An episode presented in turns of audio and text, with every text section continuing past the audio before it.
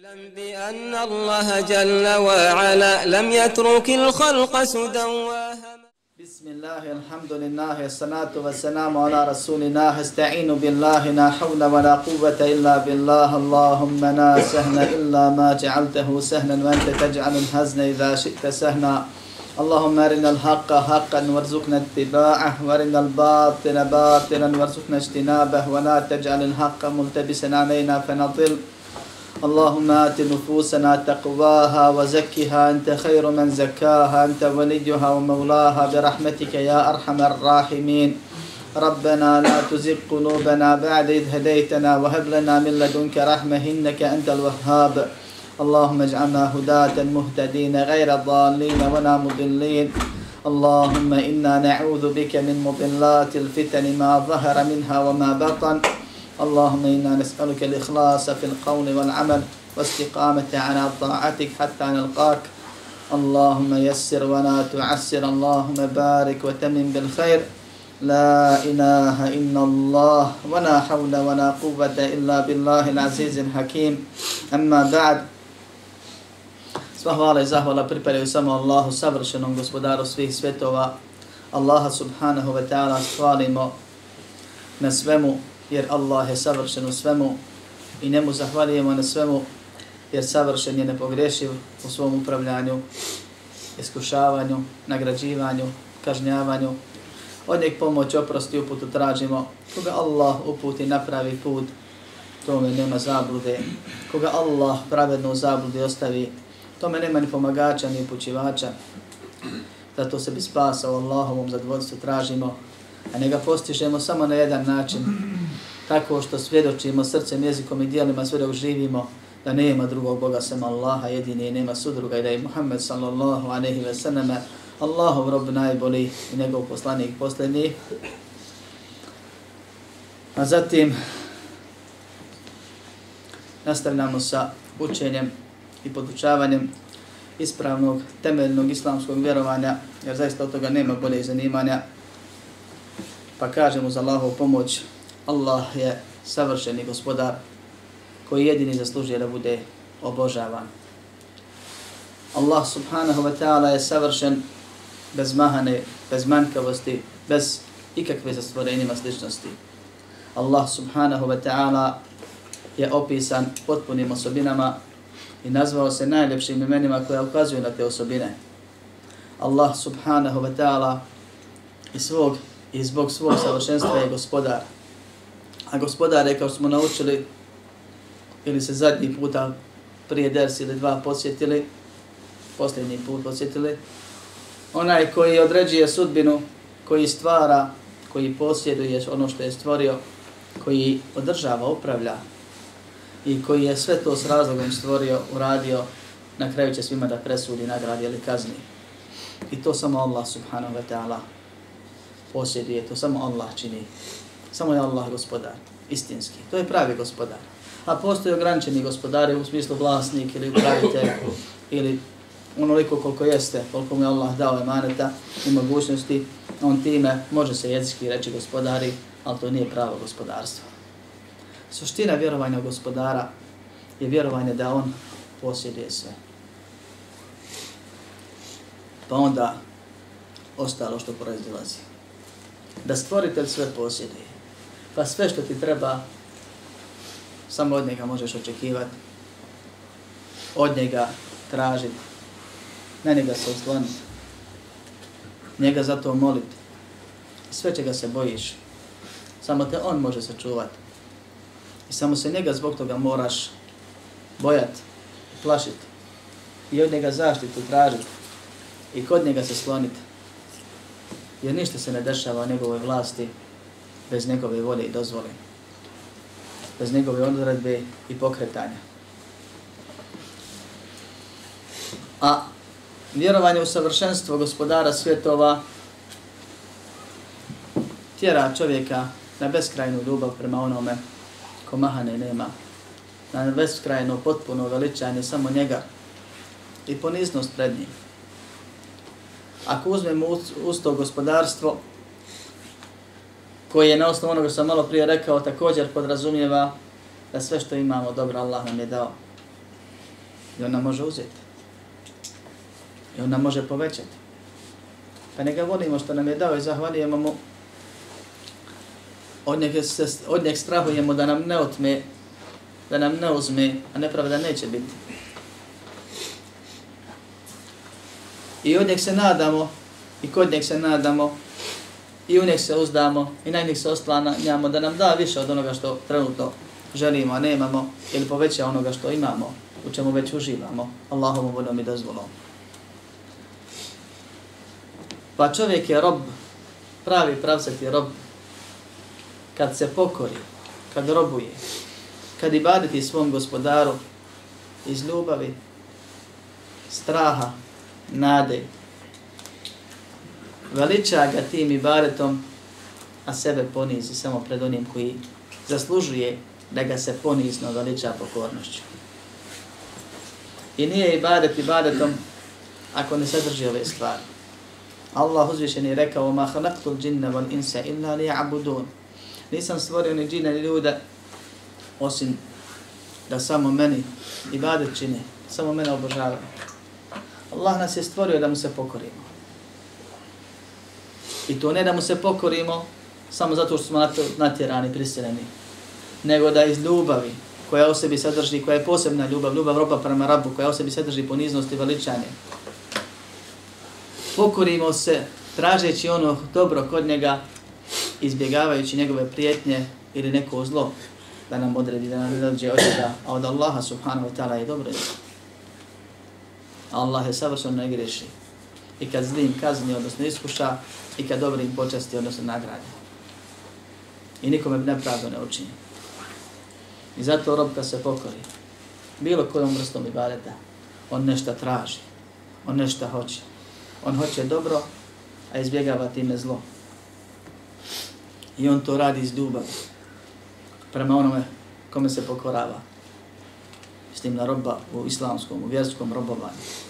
Roba vjernika, roba koji zna svrhu svog postojanja i potom živi i radi.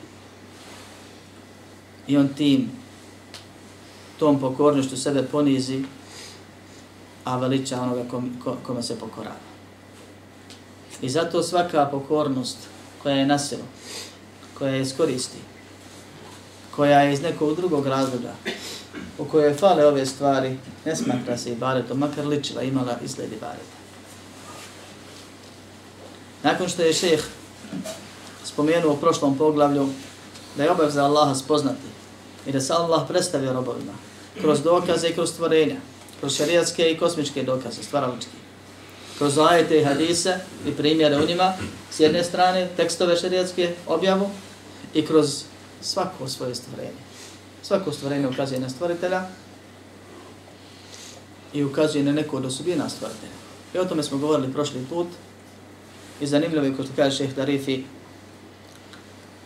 da oni koji se smatraju teistima i tome sličnim grupacijama smatraju da ne može nijedna država kako treba biti opstat, napredovat, a da nema upravitelja, da nema nekog na vrhu koji je sposoban, koji je u stanu, ko to sve treba da vodi, nadzire, osmisli kako treba i ostale stvari, a smatra da ovaj kosmos ovako skladno uređen, opstaje sam o sebi i to iz nereda nas to što je još gore. I ovako se fino složi. Nakon što je šeh spomenuo dokaze kojima je cilj da se nevjernik uvjeri, a vjernik poveća vjerovanje u to da Allah ima i postoji i da je savršen, a zatim spomenuo nešto od njegova gospodarstva, prelazi na onu glavnu stvar bez koje vjerovanje nije vjerovanje. I ne vjeruje kako treba u Boga. I Allah kao istinski Bog jedini ne priznaje vjerovanje. Osim onome ko vjeruje da, a vjerovanje uveđenje riječi djelo, ne samo vjerovanje srcem, nego da to kasnije potvrdi djelima, I očituje se tako, osim onome ko vjeruje da Bog ima i postoji, da je, naravno jedan, da je on savršen, da je on gospodar i da zbog svega ovoga samo on i badet zaslužuje. Pa mu pravi vjernik se pokori i badetom i ibadet ne čini nikom drugom sem njemu. Protivnom Allah ga naziva u Koranu i poslanik alaihi sallam u hadisu i tokom svom život, svog života cijelog se borio protiv takvih naziva ih mušicima, bez obzira što oni vjeruju da Bog ima i postoji i da je savršen i da je gospodar. Ali nisu po, po, potvrdili Allahu subhanahu wa ta'ala isključivo pravo na ibadet. Zato šeh nakon što je spomenuo dokaze ili nešto od dokaza, kaže sljedeću rečencu. وَرَبُّهُ وَالْمَعْبُودِ ma'bud. Gospodar, istinski gospodar, je ujedno i božanstvo. Ili jedino gospodar zaslužuje da bude božanstvo. Pravi gospodar, istinski gospodar, onih pet stvari koje posjeduje, sudbinu, stvaranje, posjedovanje, upravljanje i nagrađivanje i kažnjavanje, samo on je istinski gospodar koji je taj istinski Bog. To je zaslužio i bari. Upravo zbog onoga što sam malo prije rekao. I bare to mi tražimo dobro, izbjegavamo zlo. Allah subhanahu ta'ala sve posjeduje.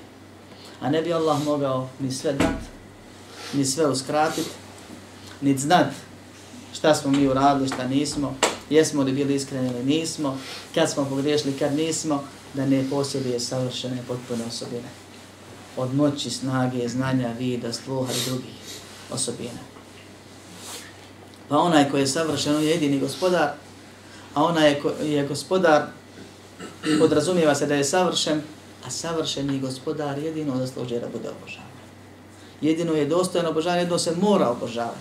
Jer savršen kad te je stvorio, stvorio te je sa svrhom. Savršen ne radi ništa bez veze onako. I objavio, objavio je svrhom. Obznanio je svrhom. Malo prije sam citirao e, ajet.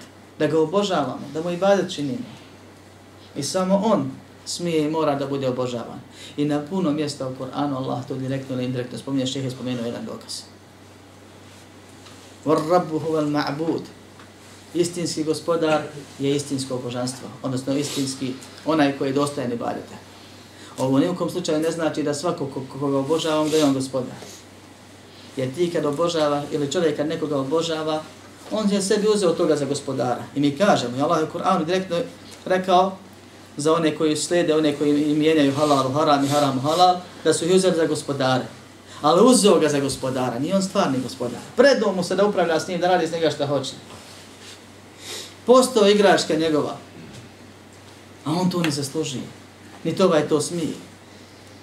Pa onaj koga obožavaš, ti si ga uzeo za gospodara.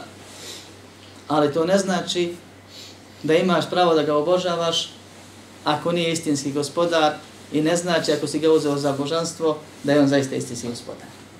Nego samo istinski gospodar smije da bude obožavan.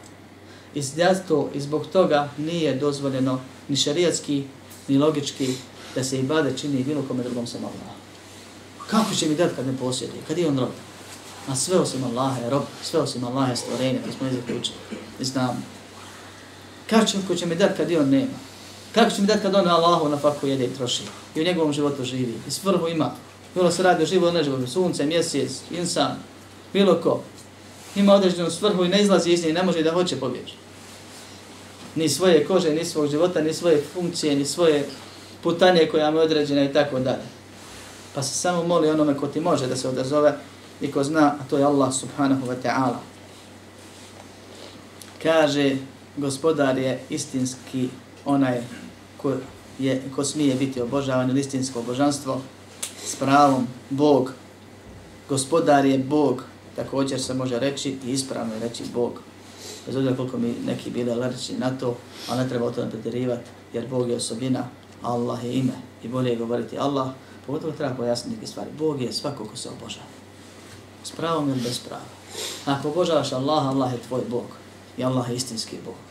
Ako obožavaš i činiš ibadet nekom drugom sem Allahu, uzeo si ga za Boga i on je tvoj Bog i Allah će te kazni što si obožavao više Bogova. I to se kaže Bog u našem jeziku i u šarijetu. U arabskom jeziku se kaže Allah, u bosanskom se kaže Bog. A Allah je nešto drugo. Najzvišenije ime istinskog Boga koje ukazuje značenjem da je Allah istinski Bog. I zato ne treba plaho izbjegavati ove stvari, pogotovo kada pitanje pojašnjavanje i tumačenje. Kaže, od delilu qavluhu ta'ala, a dokaz zato su riječi Allaha uzvišena. Dokaz zato je prva naredba u Kur'anu. A koja je prva naredba u Kur'anu? Hmm? Koja je prva naredba u Koranu, ljudi? Ikraj. Gdje se nalazi ikraj? Bude obožavati svog gospodara Raziđeš se sa Kur'an je Allahova knjiga koju je Allah objavljivao kako je htio i poredao kako je htio. I mi svi znamo da je prvo što je Allah objavio je sura Alaq. I mi svi znamo da se ona nalazi na kraju Kur'ana. U drugoj polovini Amedusa. Nekih desetak, 12 stranica prije samog završetka Mushafa. I Kur'an ili Mushaf je ono što mi imamo rukama i to je Allah htio da ostane. I nije radosled sura poredan onako slučajno, nego je to objavom došlo, niti je radosled ajeta u surama poredan nego je došlo u hadisu, kaže poslanik sasvim došao mi je Džibril rekao ubetni ovu rečenicu između te i te riječi. Dakle, nekad je bila rečenica ajet kraći, pa je Allah dopunio ne. Čak i ajete i ono što je Allah htio, to je ostaje od Kur'ana. I to je Kur'an, on se ne mijenja od Muhammeda sallallahu alaihi sallam, smrti Muhammeda alaihi sallam do sudnjeg dana nikad. I kad kažemo Kur'an, mislimo na ono što je mushaf, ono što je poredano. Nisam vas pitao šta je prvo Allah objavio od Kur'ana, nego koja je prva naredba Kur'ana. Allah subhanahu wa ta'ala je htio iz svoje mudrosti da Kur'an izgleda ovako. Fatiha, Bekara, Ali Imran, Nisa, Maide, En'am, A'raf i ostale sure 114. I taj redoslijed ima svoje. I postoji mu fesiri koji se bavili povizivanjem sura. Zašto nakon što je Allah subhanahu wa ta'ala u toj suri objasnio to, zašto slijedi sad govor o ovome. I tako dalje, i tako dalje.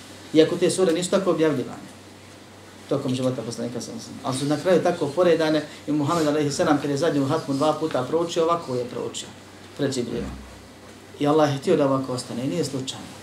Allahu Fatihi objasnio cijeli Kur'an u malo. U sedam ajeta objasnio sve što treba.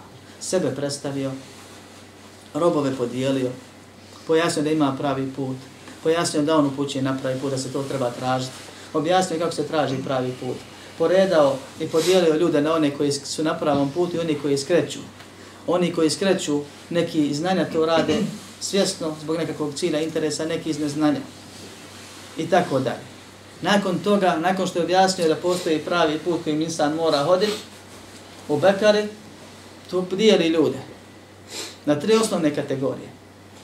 Naspram onoga što je najbitnije, to je pravi put ne dijeli na bijele i crne, bogate i siromašne, mršave i debele i tako dalje, nego ih dijeli po onome što je bitno, na osnovu onoga što je pati. Pa opisuje vjernike u pet ajeta. Elif lam mim, tako zvani, kao prva stranca Bekare. Na drugoj stranci Bekare opisuje nevjernike u dva ajeta. I opisuje munafike u 13 ajeta. Još nema naredbe nikakve još ništa ne naređuju. Fatihe nema naredbi. A ima nešto bitno. Razmislite. Odmotajte. Uglavnom glavom vidite da ništa Allah ne naređuje Fatihe. Alif Lam Mim nema naredbe. Prva stranca nema naredbe. Pola druge strance nema naredbe. 21. hajeta, vjernici, nevjernici, munafici. Ide prva naredba u Koranu. Ja johen nas, o ljudi. I Taberi je zaključio na osnovu dokaza, malo duže ima istraživanje kod ovog tefsira, kad se kaže o ljudi, podrazumijevaju se i džini, jer je poslanik sallallahu sallam Kur'an, poslanik poslani Kur'an objavljen ljudima i džinima. Dakle, ovo ljudi i džini. Sve ove tri kategorije. Ovi koji vjerujete, vi koji ne vjerujete, vi koji lažno se predstavljate da vjerujete, a u sebi nevjerstvo krijete. A'budu rabbekum. Obožavajte samo svog gospodara. Alladhi khalaqakum walladhina min qablikum la'allakum tattaqun. Koji je stvorio vas i on je prije vas da biste bili bogobojazni, da biste bili pokorni, da biste izvršavali naređene i ostavljali zabranjene. Zato sam vas stvorio. I na vam je da samo se pokorite meni jer ja sam vaš gospodar. Kaže, obožavajte samo svog gospodara. Neko će reći što? Zato što je stvorio i vas i on je prije vas. A podrazumijeva se nakon nas. I stvorio s razlogom da se njemu pokori. Bogobojazno znači izvršavanje naređeno koliko je moguće i ostavljanje zabranjeno koliko je moguće. I Allah nakon što je spomenuo da nismo uzalo stvoreni i da ljudi imaju koji su pokorni i nepokorni, koji su glumci. I objasnio je posebno sramotio one što glume, što kriju kroz 13 ajeta. Kaže, o ljudi, obožavajte svog gospodara, stvorio je vas i prije vas one, da biste bili bogobojazni. U sljedećem ajetu objašnjava zašto nas je stvorio. To je dokaz koji se ovdje spominje. Kad kaže dokaz da je gospodar onaj koji se obožava. Jer Allah kaže, o ljudi, obožavajte gospodara. Pa će neko reći što, kaže što je stvorio vas i prije vas, i onda spominje još druge stvari u 22. majetu u Bekari. I tu slijedi prva zabrana u Koranu. Nema ni zabrane, samo naredbe do sada. Nakon što je spomenuo dokaze ili razloge zbog čega samo gospodar Ivari zaslužuje, kaže gospodar svjetova, fela teđ'anu lillahi endaden wa entum ta'lamun. Nemojte mu ravnog nikog smatrati, a vi znate. Znate da nema ravnog. I znate da ove stvari koje sam spomenuo, niko drugi osim on ne radi.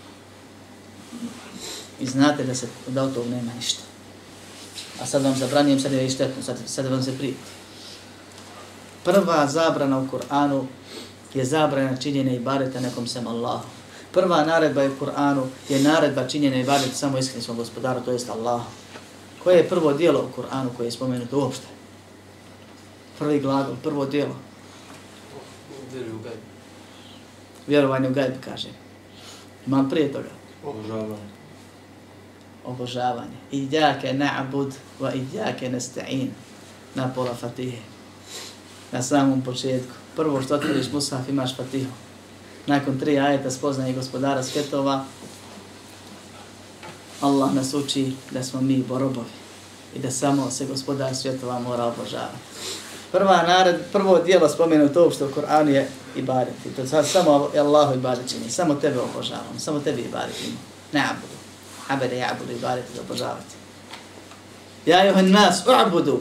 O ljudi, obožavajte svog gospodara. Prva naredba i ne činite moravnog nikoga u ibadetu i ostalim stvarima, ali u ibadetu je širke nastao i rašire najviše, je prva zabrana. Mi smo stvoreni zbog ibadeta. I spoznaja i priča o ibadetu je najkorisnija i najbitnija priča. I koliko god se ona ponavljala, i koliko god se razlagala ove stvari, i koliko god zaključak ovog dersa bio ono što smo već 5-6 puta za ove 3 godine pričali, ne šteti, nego koristi upravo to ponavljanje.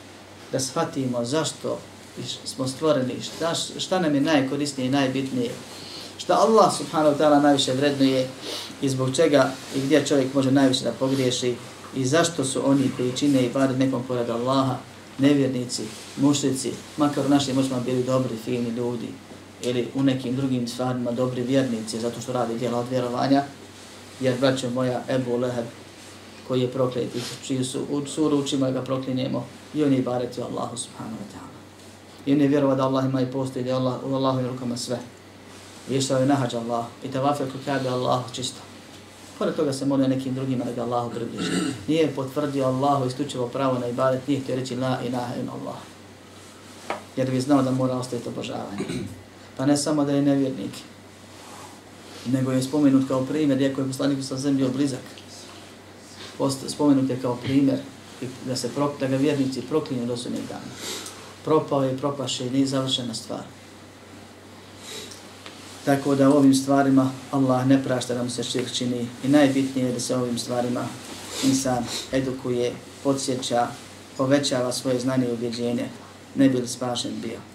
Kaže gospodar svjetova, nakon što je šeh rekao da je gospodar onaj koji smije da bude obožavan, pa rekao da je dokaz sljedeće Allahove riječi, kaže Allah uzvišeni, Ja juhan nasu abudu rabbekum alladhi khalaqakum alladhina min qablikum na'allakum tattaqun.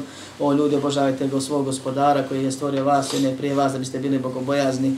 Alladhi ja'ala lakum al-arda firashan was samaa bina'an wa anzala min as-samaa'i ma'an fa akhraja bihi min ath-thamarati rizqan lakum. Onaj kaže koji vam je zemlju posteljom učinio.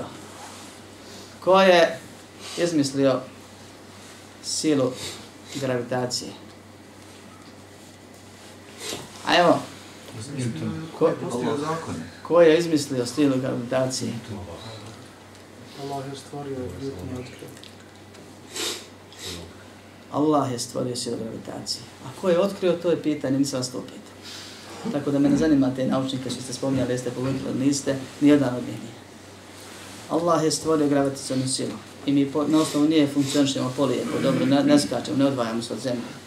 Nego nam je zemlja i pogodna i prostrana i, i lijepimo se za nju i kad treba i kad ne treba. Allah vam kaže zemlju postirom učinio sa svim onim što znači. Najrahatniji insan na zemlji. Ne valja kad se digne u zrak, kada čeka da siđe. I ovi što ovdje opet, i sve što visoko leti opet se vrati na zemlju i padne. Na kraju ćemo zemlju završimo, zemlju postanemo. I zemlje ponovo živne, oživljeni budemo. Allah nam je dao da nam život bude na zemlji i da smo mi od zemlje i da hodamo po zemlji i da jedemo i obskrbu primamo iz zemlje i živimo i uživamo na zemlji i to je velika blagodat i tu se kad se sve uzme u obzir vide mnogo broja čuda Božjih stvaranja nakon toga kaže Allah je taj koji je također dao ili sazdao nebesa iznad nas, dao da kaže nebo bude građevina. To je ono nebo što mi ne vidimo ga, jer ovaj zrak je prostor između neba i zemlje. Poslanik alaihi salavatu wa salam nas obavijestio detaljno Allah u Kur'anu ukratko da postoji iznad nas sedam nebesa i da su to građevine koje u sebi imaju vrata, koje meleci čuvaju, kroz koja se ne može proći osim kucanjem na kapiju i dozvolom, a dozvolu melek ne daje od sebe, nego ako već ima naredbu da Allaha subhanahu ta'ala nekog propusti i dokaz za to je hadis o Mi'arađu koji svi vjerujemo i još mnogi drugi hadisi kroz, koje smo slušali kroz ova predavanja. Druga stvar, u arapskom jeziku također nebo je sve ono što je iznad nas. Tako da se i to može reći da je nebo, ali ovdje konkretno Allah kaže da je nebo građevina, tako da se ne odnosi na ovaj zrak, što mi vidimo ovo plavetnilo, nego gore prvo nebo koje se nalazi, da vam kažem gdje, odmah iznad zvijezda i svih ovih nebeskih ovaj, tijela što leti. Tako da ovo što ljudi otkrivaju, ne otkrivaju, to su lampe odozdo, plafonjere na nebo. Po jednom mišljenju su usađene u nebo, po drugom mišljenju lebde odmah ispod prvog neba. I ne može čovjek doći iznad toga i proći a ne smeta da hoda po tome. Ako što hoda po zemlji, popne se na Mount Everest ili na ovo ili na ono, može se popiti do neko nebesko tijelo, nije to nikakav problem, jer sve je to naše dunjaločko nebo. Sve to pripada dunjaloko. Od neba pa gore slijedi nešto drugo. I na ovo ukazuje Kur'an i Sunnet. Allah subhanahu wa ta'ala je sazdao nebo iznad nas i onda nam, kaže, s neba pustio kišu od ozgo. fa ahrađa bihi min temarati rizqa rizqan lakum pa je kaže da ne ulazimo u ove neke detalje posvetit ćemo se poslije dersa kaže pa je kaže izveo vam od plodova ili raznoraznih plodova kišom ili pomoću kiše daje raznorazne plodove kao na faka kao obskrba vama inače ko ima kakvi šublje oko ovih stvari rješćemo to posle desa ako Bog da lahko ali sada ne prekidamo temu nemojte bježati slobodno, otvorite se bolje da vam to izbijemo navakat, nego da živite s tim kasnije za Allah pomoći dozvolu. Ovaj, kaže Allah uzvišeni, između ostalog spominje da nam je neba spustio kišu, a da pomoću nje imamo raznorazne plodove koji su naša obskrba. Pa najbitnija stvar od ove je da Allah je taj koji je obskrbiti. Da je Allah odredio obskrbu. I nafaka je propisano. I kaže poslanik sa sam neki će niko umrije dok ne pojede svoj nafaku. U drugom hadisu kaže nafaka čovjeka traži koji ga traži smrt. Allah je poslao da te traži i mi se s njom srećemo. Nekad u svojoj kući, nekad negdje vani. Nađeš je gdje nađeš. A nađeš je samo tamo gdje je određena. I tražiš i ne nađeš to zato što tu nije određena.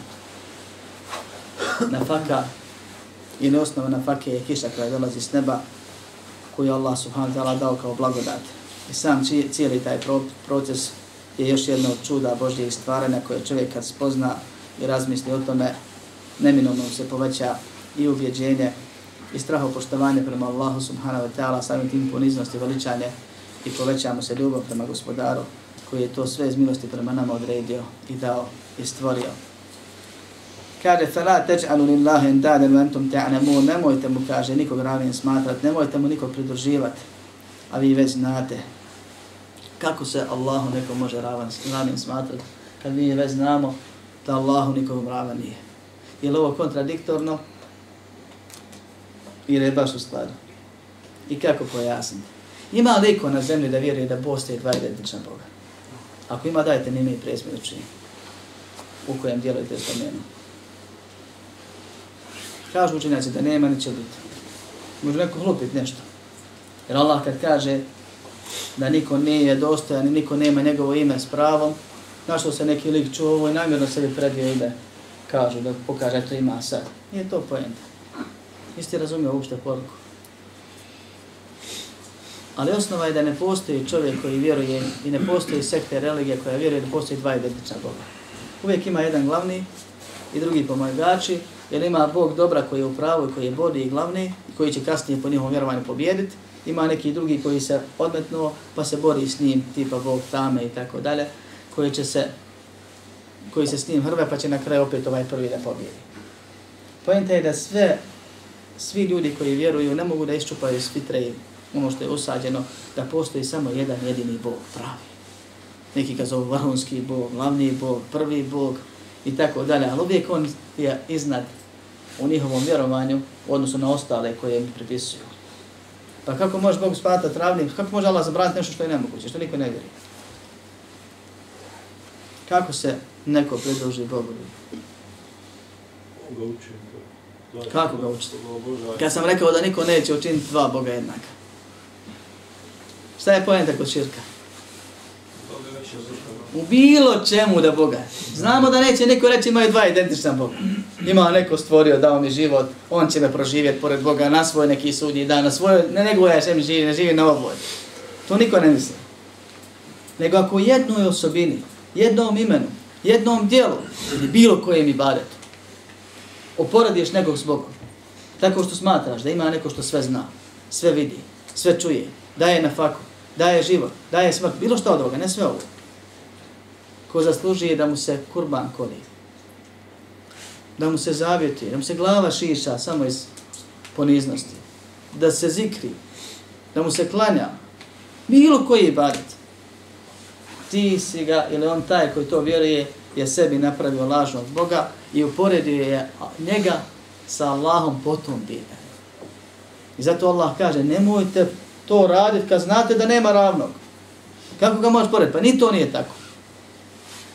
Nema niko da zaista sa Allahom saučesnike u bilo koje osobine. Da ima istu osobinu kao Boži, ko Allahom subhanahu ta'ala. A i kad bi to čovjek uradio, uporedio ga i s Bogom, Allah kaže nema toga i nemojte to raditi kad već znate. Kad već znate da je Allah jedini koji daje ove stvari koje je naborao prije, kažu komentatori, i sve ostale stvari ovog tipa, dijela gospodarstva, oživljavanje, održavanje, obskrbljivanje, usmrćivanje, izlječivanje, uzdizanje, upućivanje, odvođenje u zabludi, sve ostalo što, što, što, nam se, što mi jednostavno zovemo sudbina. Jednom riječi. Zato kaže Ibn Ketir, Rahimahullah, poznati komentator Korana, historičar i veliki islamski učenjak i učenik Ibn Taymije. Al-Khalifu li hadihi l-ašja huva l-mustahiku li l-ibade. Onaj koji je stvorio ove stvari, samo on zaslužuje da bude obožavan. Hajmo se opet vratiti, da ponovimo, jer ovo je bitno. Kakve veze ove stvari imaju sa obožavanjem? stvorio zemlju, stvorio nebo, dao vam na faku. Ljudi svojim ubjeđenjem, svojim dijelima kažu, pa šta i? Vidiš da obožava opet pored njega. Zato što je obožavanje ponizno, pokoravanje i straha i nade, traženje. Tražiš od nekog ko ne može. Dati.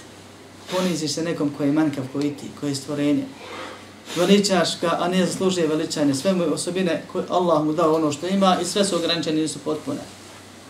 Strahuješ se ako je suđeno biti zadesi se, neko nije, a, a sudbino Allah odredi, ne on. Nadaš se ako ti je suđeno, Allah će dati, ako nije, neće. Pa što imaš s njim? Ništa. Češ nam faku od njega. Onaj koji je dao, kad na faka dolazi kišom na zemlju, pa se onda dijeli onako kako je određeno, ti je već odredio na faku. Samo ti on može povećati ili smanjiti, dati ili uskratiti. Niko drugi. Šta imaš s ovim? Pa i on jede Božju na faku. I tako sve druge stvari. Obožavanje je ponizno pokoravanje, veličajući onoga koga beskrajno voliš i straha i nade, tražeći tom pokornošću ono što želiš i bježeći od onoga da ga se bojiš. I zato kaže ših onaj koji je stvorio ovo, on zaslužuje ibadet. Jer Allah kaže obožavajte svog gospodara koji je stvorio prije svega vas i prije vas. Zatim on stvorio se nebo, zemlju i učinio pogodnom za život. I nebo stvorio. Ima svoje razloge. Svi ćemo kasnije. Duša ide gore kad umre. I stvorio kišu i na faku i priliku za život. I sve ostalo što spominje na drugim mjestima i što mi znamo jednostavno sudbinom zovemo.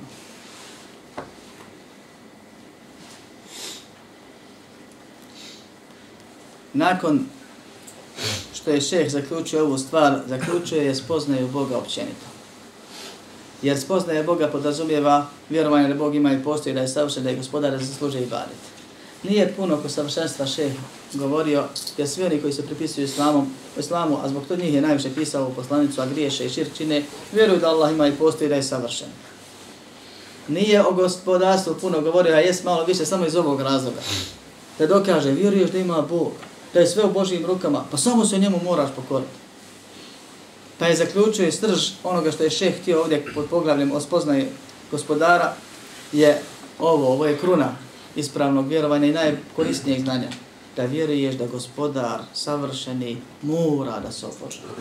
I da se niko drugi ne smije obožavati se njega. A da je obožavanje činjenje i bareta. Kojeg?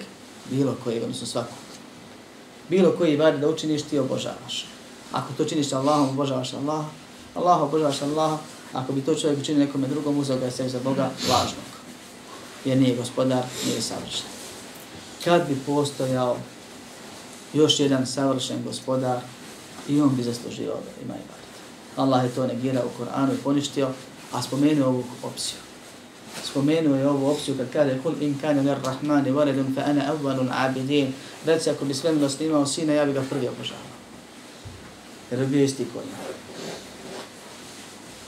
Tako da, s obzirom da nema, nema gospodara, strašno sam njega, nema ni Boga sem njega, a vjerovanje u Boga znači obožavanje Boga, to je činjenje ibadeta, bogovodnih dijela. Zato šeh prelazi nakon toga na pojašnjavanje šta je to ibadet. Pa kaže, wa anwa'u ibadati allati amara Allahu biha mithlu al-islam wal iman wal ihsan wa minhu ad-du'a wal khawf kaže, a od vrsta ibadeta koje je Allah subhanahu wa ta'ala zabranio, to su stvari poput Islama, imana, ihsana. Pored je, spominje sve dijelove vjere. Sve ono što je od vjere. Jer poslanik Alehi Salam nas je obavijestio kroz događaj koji je Allah odredio da Džibril dođe pa da pita, pa da on odgovori, pa da mi svi imamo tu spoznaju da se Islam ko vjera sa svim svojim naredbama i zabranama i svim svojim obavijestima koje su osnova, dijeli na tri stepena. Islam, onaj minimalni, iman, onaj jači i bolji, i ihsan, onaj potpuni. Također kad se spomenu islam i iman, istovremeno da islam podrazumijeva vanštinu, a iman podrazumijeva nutrinu. A ihsan podrazumijeva maksimum u obome. Da budeš najbolji, kvalitetan u, u tome. Da imaš najbolje objeđenje i najbolja djela. Pa šeh prvo spominje te tri stvari. Hoće reći, nema ni jednog bogogurnog dijela, nema ništa da je Allah naredio ili pohvalnim učinio. Ili da je Allah zabranio pa zbog njega da izbjegavajući kaznu da, ga, da ga ostavljaš, a da se ne smatra i badet. Ostavljanje harama je ibadet. A to što izbjegavaš Božju kaznu. I činjenje pohvalnih i naređenih stvari i badet. To su ibadet. I zato što je kada islam, iman i ihsan. Dakle, i vanjska vjera, i unutrajedne vjerovanje, i minimalno, i osrednje, i maksimalno vjerovanje. Sve što spada u vjerovanje. A rekli smo da je vjerovanje, ubjeđenje, riječ i dijelo, sve što je Allah objavio u Koranu i Sunnetu. Sve što spada u vjerovanje je ibadet. A zatim spominje pojedinačne primjere, kaže dova, strah, nada, oslonac, nada sa, sa, sa, sa traženjem, nada koju prati dijelo, strah koji prati dijelo, skrušenost, straho, straho veličanje, uzeti ćemo jednu novu riječ, pokorno ili ponizno Allahu vraćanje u grijesima, traženje pomoći, traženje zaštite, je, ili vapaje u pomoć prinošenje žrtve, zavjetovanje i ostali vidovi ibadeta. Nije spomenuo više od ovoga što je naveo, jer cilj je da spomene primjer. Kad smo radili ovo na fakultetu, ja sam pitao šeha, ima li negdje da su pobrajene sve ibadete? Najbolje je bilo tako, naučiš sve i znaš. I kogo što od toga učini nekom pored Allaha, taj se smatra onim što im se smatra, spomenut ćemo kasnije s dokazima, i znaš da sve to moraš činiti samo Allah. Kaže, šeh, nema i nemoguće to. Jer to podrazumijeva vjeru cijelu. Nego imaju pravila kako prepoznati ibadete. Imaju definicije ibadete. Pa da ne bi ulazilo razne definicije, druge ja sam to praktično ili detaljnije pojasnio šta je suština ibadeta, dva, tri put večeras ponovio. Ovaj, šeheh Islam je najbolje definisao ibadete, najopširnije, najobuhvatnije, kad je rekao ibadete je sve ono što Allah voli i s čime je zadovoljan od riječi i dijela javnih i tajnih. Kako znamo da Allah nešto voli? Zato što je to naredio. Kako znamo da ste dotičnim dijelom zadovoljan? Zato što je nagrad za njim zato pripremio. Pa kad god Allah traži da za nešto uradimo, bilo naredbom ili pohvalno, znači Allah to voli, to je ibadet. Kad kaže obavljaj namaz, farz, to je ibadet. Na file i to je ibadet. I ne smijemo ni farzom ni na filom ibadet nekog drugog sem Allah. Obožavati kod drugog sem Allah. Isto tako kad Allah subhanahu ta'ala spominje da je nagradu pripremio za neko djelo, automatski znamo da je to ibadet. Da će neko ući u džene zbog tog djela. Da mu je Allah pripremio ovo ili ono, znamo da je to ibadet. Sve što Allah voli, što je naredio ili pohvalnim učinio i s čim je zadovoljan, dakle nagradu pripremio. I ovo nije ista stvar, rećemo. Allah voli da, da se moli. Allah voli da se ibadet čini. Allah voli da se klanja. I mi klanjamo Allahu subhanahu wa ta'ala i kad neko uleti u prostoriju, a mi se malo dotjeramo da mu pokažemo kako smo mi vjernici. I izgubimo nagradu i propademo na sudjem danu. Nagrada piše nam se grije za to. Ako se pretvaraš ili drago te da se hoćeš da prime, da te neko pohvali. Tako da jedno je, ono je bilo ibadet. I da ćemo reći namaz je ibadet. I Allah voli da se klanja njemu. Namaz da mu se obavlja. Bilo farz ili na fila, ali Allah je zadovoljan samo s onim što je iskreno i ispravno. Ili hoćemo namaz na svoj način. Dođu na hač, obave četiri tavafa, umore se i kažu ko prima sedam, primit će četiri, ode u hotel. Nije to ibadet. A bilo je takvi slučaj. Ili nešto tome slično. Nego mora biti urađeno onako kako je propisano i mora biti urađen iskreno radi Allaha, bilo da se radi obaveznoj ili pohvalnoj stvari, da bi bila ibadet. Pa Allah ono što voli, zato je nagradu pripremio ako se ispravno uradi.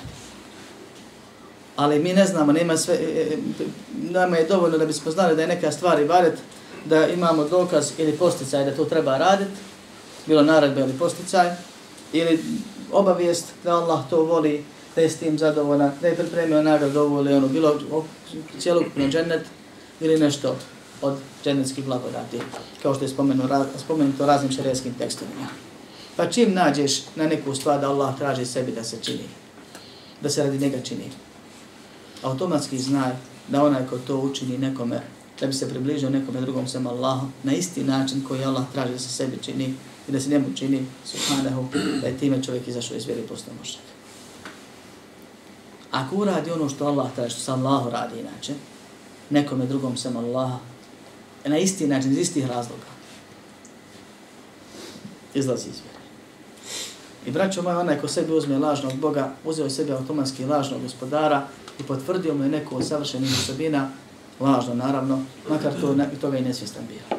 Čovjek odavde se moli Evli u Šamu, u Kaboru, umro prije 300 godina. Ili moli se poslaniku Muhammedu ali sedam u kaburu. umro prije, znamo sami koliko godina. I oni koji kažu da nije poslanik ali sam umro, postavljamo im pitanje, što ashabi živa čovjeka zakopali sa lulavse. On će sebi neće nekakve razloge naći zbog čega ko biva opravdati u svoju dobu. A on nije svjestan da on od njega nešto traži. A to što traži samo Allah može dati. Pa mu je pripisao dijela gospodarstva. I nije svjestan da on time pripisuje njemu i dijela savršenstva. Što? Pa taj zakopani dva metra ispod zemlje, Evlija, po njemu čuje i vidi i zna što on iz Bosne šapće kada u dobu ga spominje. Pa to samo Allah može. To su svine. Da sve vidi, da sve čuje, da sve zna. Pa čim čovjek skrene i uputi neki ibadet nekom sem Allahu, automatski je otkinuo i dio savršenstva i dio gospodarstva koji samo Allahu pripada i pripisao njemu također, pored Svjestan bio ili nesvjestan? Iz koje god strane mu priđeš, možeš poništiti, ako je čovjek iskreno ne zna, zaveden, možeš poništiti to njegov vjerovanje. Samo kažeš kako ćete čuti? Ne čuje, znači samo Allah sve čuje. I tako. Ili samo Allah sve daje, ne možeš ti dati nešto što ne pripada njemu. Ili jednostavno dokaze da se ibadete samo Allah smije usmjeravati. Nakon što je šeh spomenuo ovdje vrste ibadeta, ovaj, spomenuo njihove dokaze, ipak ćemo morati to sljedeći des završiti za Allahu pomoć, zaključuje i kaže i ostale vrste ibadeta koje je Allah subhanahu wa ta'ala naredio, kulluha lillahi ta'ala, svaka od tih vrsti pripada samo Allahu uzvišeno. Samo se Allah smije činiti. A dokaz je zato riječi Allaha uzvišenog وَأَنَّ الْمَسَاجِدَ لِلَّهِ فَلَا تَدْعُ مَا اللَّهِ أَحَدًا Dokaz ima puno. U prvi on ajet malo prije, obožajte samo Allaha i svog gospodara je dokaz. Ali še je spomenuo jedan ajet zanimljiv. Svi ga spominu. Uđeš u džamiju, a ono često dva ajeta po zidovima napisani kaligrafijom. Jedan je namaz je vremenski propisan obaveza vjernicima, a drugi je mešćidi su samo Allaha radi, pa se pored Allaha nikome ne moli. I še je spomenuo ovaj drugi. Zato što muslimani čuli za taj ajet svi. Mešćidi su, kaže Allah subhanahu wa ta'ala, samo Allaha radi. Samo Allahu pripadaju. Samo Allahovi. I nemoj se pored Allaha moliti nikome. U oba ova dijela ajeta je dokaz pojedinačno, sam po sebi, da se svaki vidi badeta čini samo Allah. Kaže Allah, ne mori se pored Allaha nikome. Ni meleku, ni poslaniku, ni vjerovjesniku, ni evli, ni babi svome, nikome. Završeno. Allah uzvišen rekao. A molitva je znači, molitva stanja ili pitanja. Ti kad tražiš, ti moliš. I kad klanjaš i kad postiš, ti moliš se vah. Ti tražiš pokornost, izbjegavaš kaznu. Nije molitva samo znači bilo što da uradi. Kad ne molim se, ja samo od Boga tražim, ali kad odim prvo tom i tom na kabur, pa se zavjetim njemu, pa zakorijem kurba njemu, pa nek mi kaže on, ne budu bila progura tu do, do Boga. Jer ne možeš kada do predsjednika bez nekakve veze, ne možeš države državu bez plašu da se šar ideš, da ideš tako visoko, da se digneš ti griješan, nego treba tražiti vezu. Kaže Allah subhanahu wa ta'ala, ne moli se pored Allaha nikome, pošto nemam plaho vremena, mora malo požuriti. To je glavni dokaz, ali ovaj prvi je kako dokaz. Mesčidi, šta je mesčid? Sve gdje se klanja. Ha? Sve gdje se klanja. Mjesto gdje se klanja. To je jedno znači na mesčid, na osnovu hadisa, vjerodostno kod Buhari i kod muslima. S čim se? Mesčid je mesčid. Mesčid je mesčid, je tako? Džamija, kuća, mjesto. Mešćit isto tako u arabskom jeziku su dijelovi na kojima se sežda čini. Čelo, šake, koljena i vrhovi prsti. I sve ovo spada. Nije Allah ovdje rekao koji mesčid. Allahove kuće, džamije, mešćidi se pravi da bi se Allah obožavao. I Allahu, sve što u njima radiš, Allahu radiš, isto je vani on to što radiš u njima, ne smiješ raditi nikom pored To je jedan aspekt. Drugi je, tvoje dijelove, tijela koje Allah traži od tebe da spuštaš njemu na seždu. I sve ostale dijelove kojima se pregibaš, Allah stvorio da bi njemu padao na seždu, da bi njemu se molio. Pa se nemoj to Nemoj taj jezik da upotrebiš da traži od nekog drugog, ono što Allah samo može dati. Nemoj čelo spuštati nekom drugom. I ostale vrste, vrste. I na kraju krajeva ono gdje ti padneš, znači gdje se ti moliš, gdje ti staneš kad klanjaš. Pa znači koliko tvoja stopala zauzimala. Prostor na kojem se moliš, bilo džamija ili vani. Jer mi muslimani se možemo moliti bilo gdje. Isto tako na osnovu istog hadisa. Prostor na kojem se molimo, također se zove mesčid. Vođu'ila tijel ardu mesčiden wa tahura. Učinjena mi je zemlja cijela mesčidom, kaže čisto. Ako nema vode, može temom bilo koje zemlje. I ako nema džavije i nema srđade, će god stane na ovoj zemlji, meni namaz ispravan. Pa, Allah ovim poručuje, sve što je ibadet, Allahu se samo čini. I svaka kuća koja je pravljena za ibadet i ono što se u njoj čini Allahu, Samo se Allahu čini tu i na drugom mjestu. I sve gdje bi ti naopalo da nekom činiš ibadet, ostalo, jer mesi nije samo džamija, Allahu se čini. I sve ono čime bi ti mogao da učiniš ibadet, Allah ti je stvorio da se samo njemu čini. Znači, hoćeš širk će činiš. Boro. Na nekoj drugoj zemlji koja nije Allahova, nekim drugim tijelom koje nije Allah stvorio da bi se njemu, da se njemu Pa ako možeš, radi. I možemo ovdje dodati i nekim ibadetom koji nije Allah propisao. Jer Allah je ibadet propisao da se njemu učini. Nije propisao da bi se nekom drugom čini. Pa u riječima mesčidi su Allaha radi, ili mesčidi su Allahovi je dokaz da su mesčidi građani da bi se Allah ibadet činio, da se ne smije nikom drugom se, i nemoguće činiti, da bi nije ispravan ibadet i ne dozvoljeno i nemoguće i nelogično i nema koristi, neće niko dato, dozval se. Drugome sem Allahu subhanahu wa ta'ala, a još više potvrda u drugom dijelu rečenice, فَلَا تَدْعُ مَا اللَّهِ أَحَدًا Ne molite se pored Allaha da to nikom. Nemaš čim se moliti. Kada tijelo Allah spori da se njemu moliš. Nemaš gdje se moliti. Nemaš se kako moliti. I nemaš se zašto moliti. Samo ti Allah može dazvati se. Tako da propada sve ono za što se vežu oni koji usmjeravaju baret nekome sem Allahu subhanahu wa ta'ala. A to šeheh kaže dalje, فَمَنْ سَرَفَ مِنْهَا شَيْئًا لِغَيْرِ اللَّهِ فَهُوَ مُشْرِكٌ كَافِرٌ Na ovo se leže složno u lema, ovo nije mišljenje nekog šeha, nekog autora, nekog. Kaže, ko usmjeri bilo šta od ibadeta nekome sem Allaha, sem Allahu, nekome osim Allaha, on je mušrik kafir. Znači, ne bi neko mislio neki mušrik koji nije, to preneseno mali širk, veliki i mali kufrani. On je mušrik i kafir istovremeno. Bilo koji bač insan naučni. Braćo moja, ovdje govorimo o kufru, a ne o tekfiru. Iz dva razloga. Prvo, zato što tekfir ima svoje pravila i to je moj sud o nekome. I on ima svoje uvjete. Drugo, protekfiruje ja nekoga ili ne, s pravom ili bez prava. Njegovo stanje kod Allaha je jednako, jedinstveno, i prije i posle. Znači, ona koji je mu'min, on ne ostaje mu'min, džaba što ga ja tekfir. I ona koji je kafir, a ja ga ne tekfir, on ostaje kafir kod Allaha subhanahu wa ta'ala. I ovdje govorimo o stanju čovjeka. Ona je, braćo moja, ko sebi dopusti da učini i baret nekome pored Allaha, on je automatski izašao iz vjeri. Mogu ja ne znam za to, mogu ja za, za njim klan cijeli život, mogu ja za njim, za njim dobiti ostatak svog života za njeg, ako umre prije mene. Ali on je kod Allaha kafir. Zato što se moli nekome pored njega. Isto tako, s druge strane, kad insan bespravno potrekviri nekoga, a on nije takav, on je kod Allaha muslima. A ovaj je grešnik što je radio te. Tako da ovdje pričamo o propisu, o stanju čovjeka. Ko usmjerava neki ibadet nekom sem Allahu, on je, kaže, mušrik kafir. Mušrik zato što je procenat Allahovog prava usmjere nekome drugome. A širk je procenat inače u jeziku. Saučešće. Ne mora biti pola-pola. Nego bilo što, dvojica kad imaju udio u nečemu. 99, jedan ima posto, drugi 1%, oni su šureka. saučesnici, sudruzi. Tako se kaže. Znači, jedan je šerik drugome i on to zajedno se zove širke. Ili firma kod nas kažu, on imate u svoje nazve. Kaže, on je mušrik. Što je mušrik? Usmjerio nešto od Allahovog prava nekome drugome, pa ga u tom procentu učinio jednakim ravnim Allahu. E to je širk. Smatra da Allah zaslužuje svu dovu i da ima još jedan zaslužuje dovu. Pa to u dovi samo ga digao na stepen Allaha ne A što je kafir? Ne samo to svaki mučnik je kafir, nego isto vremeno je kafir, nevjernik. Ne zato što je mušik.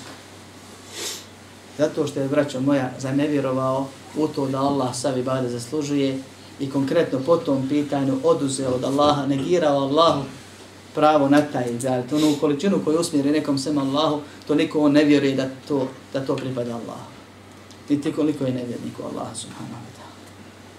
A dokaz zato su, kaže, riječi Allaha subhanahu wa ta'ala وَمَنْ يَدْعُ مَا اللَّهِ نَهًا آخَرَ لَا بُرْحَانَ لَهُ بِهِ فَإِنَّمَا حِسَابُهُ عِنْدَ رَبِّهِ إِنَّهُ لَا يُفْلِحُ الْكَافِرُونَ Ko bude molio se nekom sa Allahom, ko bude molio sa Allahom, ili pored Allaha mi prevodimo drugog Boga, Allah kada je sa Allahom, ljudi se tako moli, moli Allaha i moli još nekog drugog. Ko bude molio drugog Boga, a Bog je svaki onaj kome se i usmjera, mora biti istinski, nema osim Allaha istinskog. La burhane rehu bihi, zašto nema pravog dokaza i ne postoji dokaz gdje se može izmisliti naći da neko pored Allaha i pare zasluži. Jer nema savršenog nema gospodara. Ko se bude molio sa Allahom drugog Bogu zašto nema dokaza, fe inema hisabuhu inda rabbih, polagat će račun pred svojim gospodarom, ne pred njim. A zatim Allah završava ajeta, ovi završeci tumače značenje ajeta ili propisi innehu la yuflihul kafirun, neće uspjet nevjernici. Znači kad bude polagao račun, neće ga položiti zato što je nevjernik. Pa je ovo dokaz da onaj ko se moli nekom pored Allaha biva nevjernik. I da će propast na sudnjem danu molit se u onome što samo Allah zaslužuje. A zatim šejh pojašnjava ostale vrste ibadeta i spominje počinje sa dovom, zato što je Allah u Kur'anu spomenuo dobu, a dova biva stanja, i stanjem ili pitanjem. Dakle, nije molitva samo daj mi ja rab na faku ili daj mi taj i taj lija na faku, nego čim ti uradiš bilo što ovdje ibadeta ti od njega tražiš. Ono što ti Allah samo može dati. Pa, ovdje ćemo se zadržati, ako Allah da, nastavit ćemo kasnije. Posle toga je šeh spomenuo primjere ibadeta, počeši sa dovom, strahom, nadom i ostalim. Sve ove stvari smo radili jednom kroz knjigu Terhida, jednom kroz vasitijsku akidu. Ako preskočimo ima, imamo pravo, ako se vratimo i uđemo detaljnije da ovo tumačimo, nećemo do iza Ramazana izaći iz ovoga. A ako uspijem nekako jedan drz da sastavim, možda opet ponovim. U svakom slučaju, ovim je sa aspekta emanita završeno poglavlje spoznaja gospodara, one najbitnije stvari koje vjernik treba da zna da bi bio vjernik u Allaha subhanahu wa ta'ala, a možda još jedan ders budemo imali u tumačenju ovih konkretnih dokaza. Molim Allah subhanahu wa ta'ala da nas uputi na pravi put učvrsti na njemu usmrti onako i onakve i onda kad je s nama i kako je s nama zadovoljan, molim Allah da nas proživi, proživi sa onim s kojima je zadovoljan, da nas sačuva njegove sržbe, kazne i onoga što tome vodi. Molim Allah da nas uputi da dok živimo, Allah radi sebi i drugima dobro činimo, a kad preselimo, da smrtne muke budu zadnje voli muke koje u životu osjetimo vječnom. Amin. Walhamdulillahi rabbil. بأن الله جل وعلا لم يترك الخلق سدى